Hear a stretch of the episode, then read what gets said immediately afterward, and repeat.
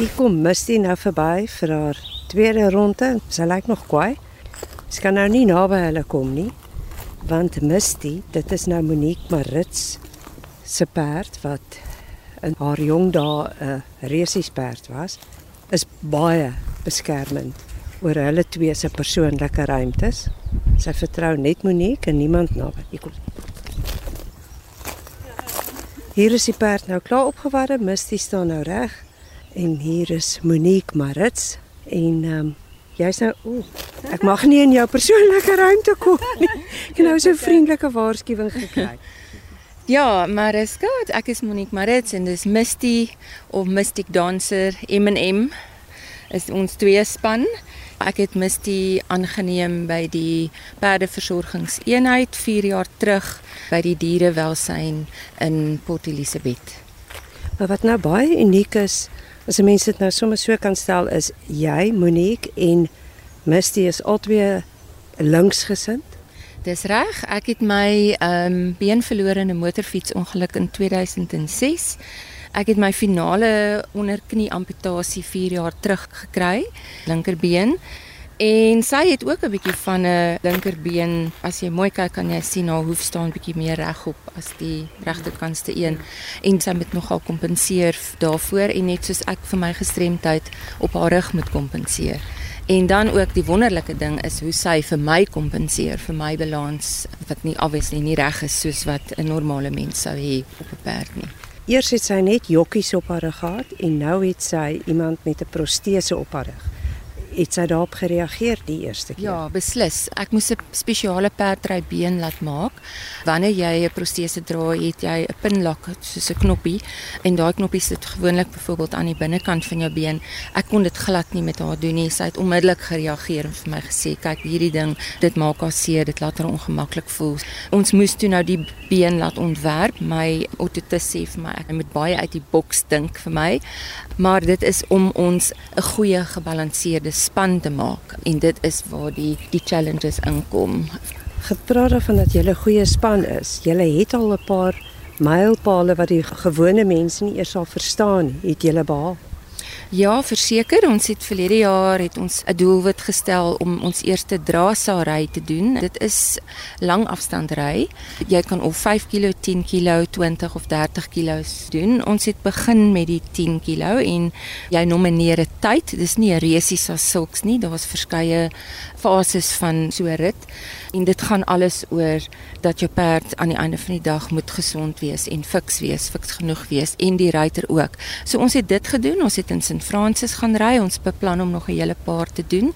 En dan het ons ook by die Port Elizabeth Perdry Club het ons 'n bietjie dressuur gaan ry wat basies gimnastiek is vir perde. Dit is basies passies wat jy moet uitvoer met jou perd in die verskillende gange en dit is ook 'n paralimpiese sport, dressuur. Spring is nie paralimpiese sport nie, maar ons spring ook so af en toe net sommer vir die lekker kry.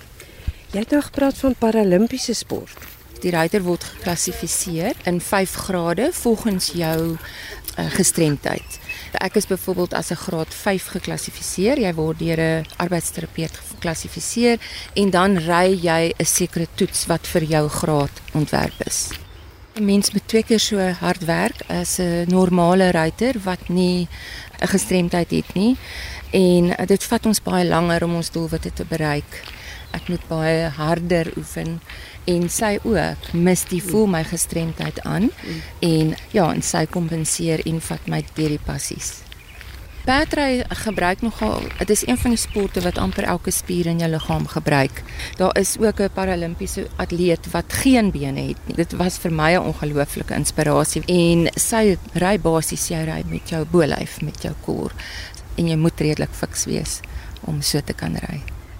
Ehm um, Missy lyk vir my baie lus om te begin en dis my eintlik moeilik om hierdie pragtige perd te sien en te dink dit was 'n maar verwese perd by die Horse Unit. Is Horse Unit by die dierewelsynsvereniging in Port Elizabeth. So hulle word na hulle resies perde was as hulle loopbaan oor is. Dis hare was oor na 6 jaar.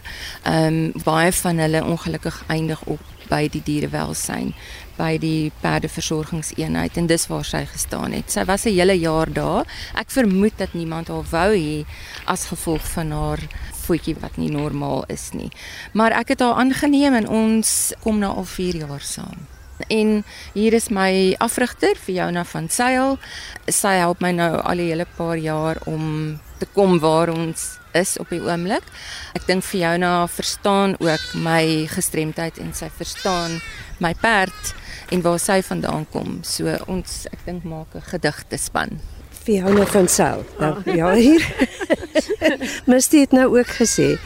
Maar dit klink asof jy nie net fisiek instruksies moes gee nie of help daarmee nie, ook psigies, ook ja, emosioneel. Ja, psigies is 'n groot gedeelte van die perdry. Want meeste van die mense is of 'n bietjie bang of hulle wil meer doen as wat hulle kan. En jy moet altyd geduld wees. Dan moet jy stadig stadig hulle in die correct direction sit. Maar ek het nou ander mense en dis nou Monique het nou niks daaroor gepraat nie, maar ek het nou al hier in Nelson Mandela baie gehoor dat eintlik wat sy en die perd bereik is uniek. Ja, dit is baie uniek.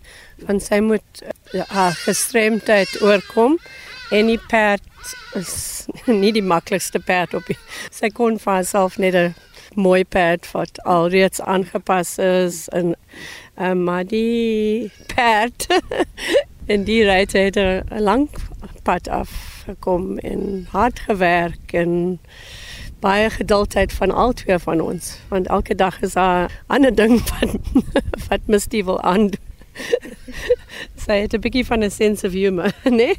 Kyk hoe draai sy haar kop nou jou. Ek hoor jy's kinder van my.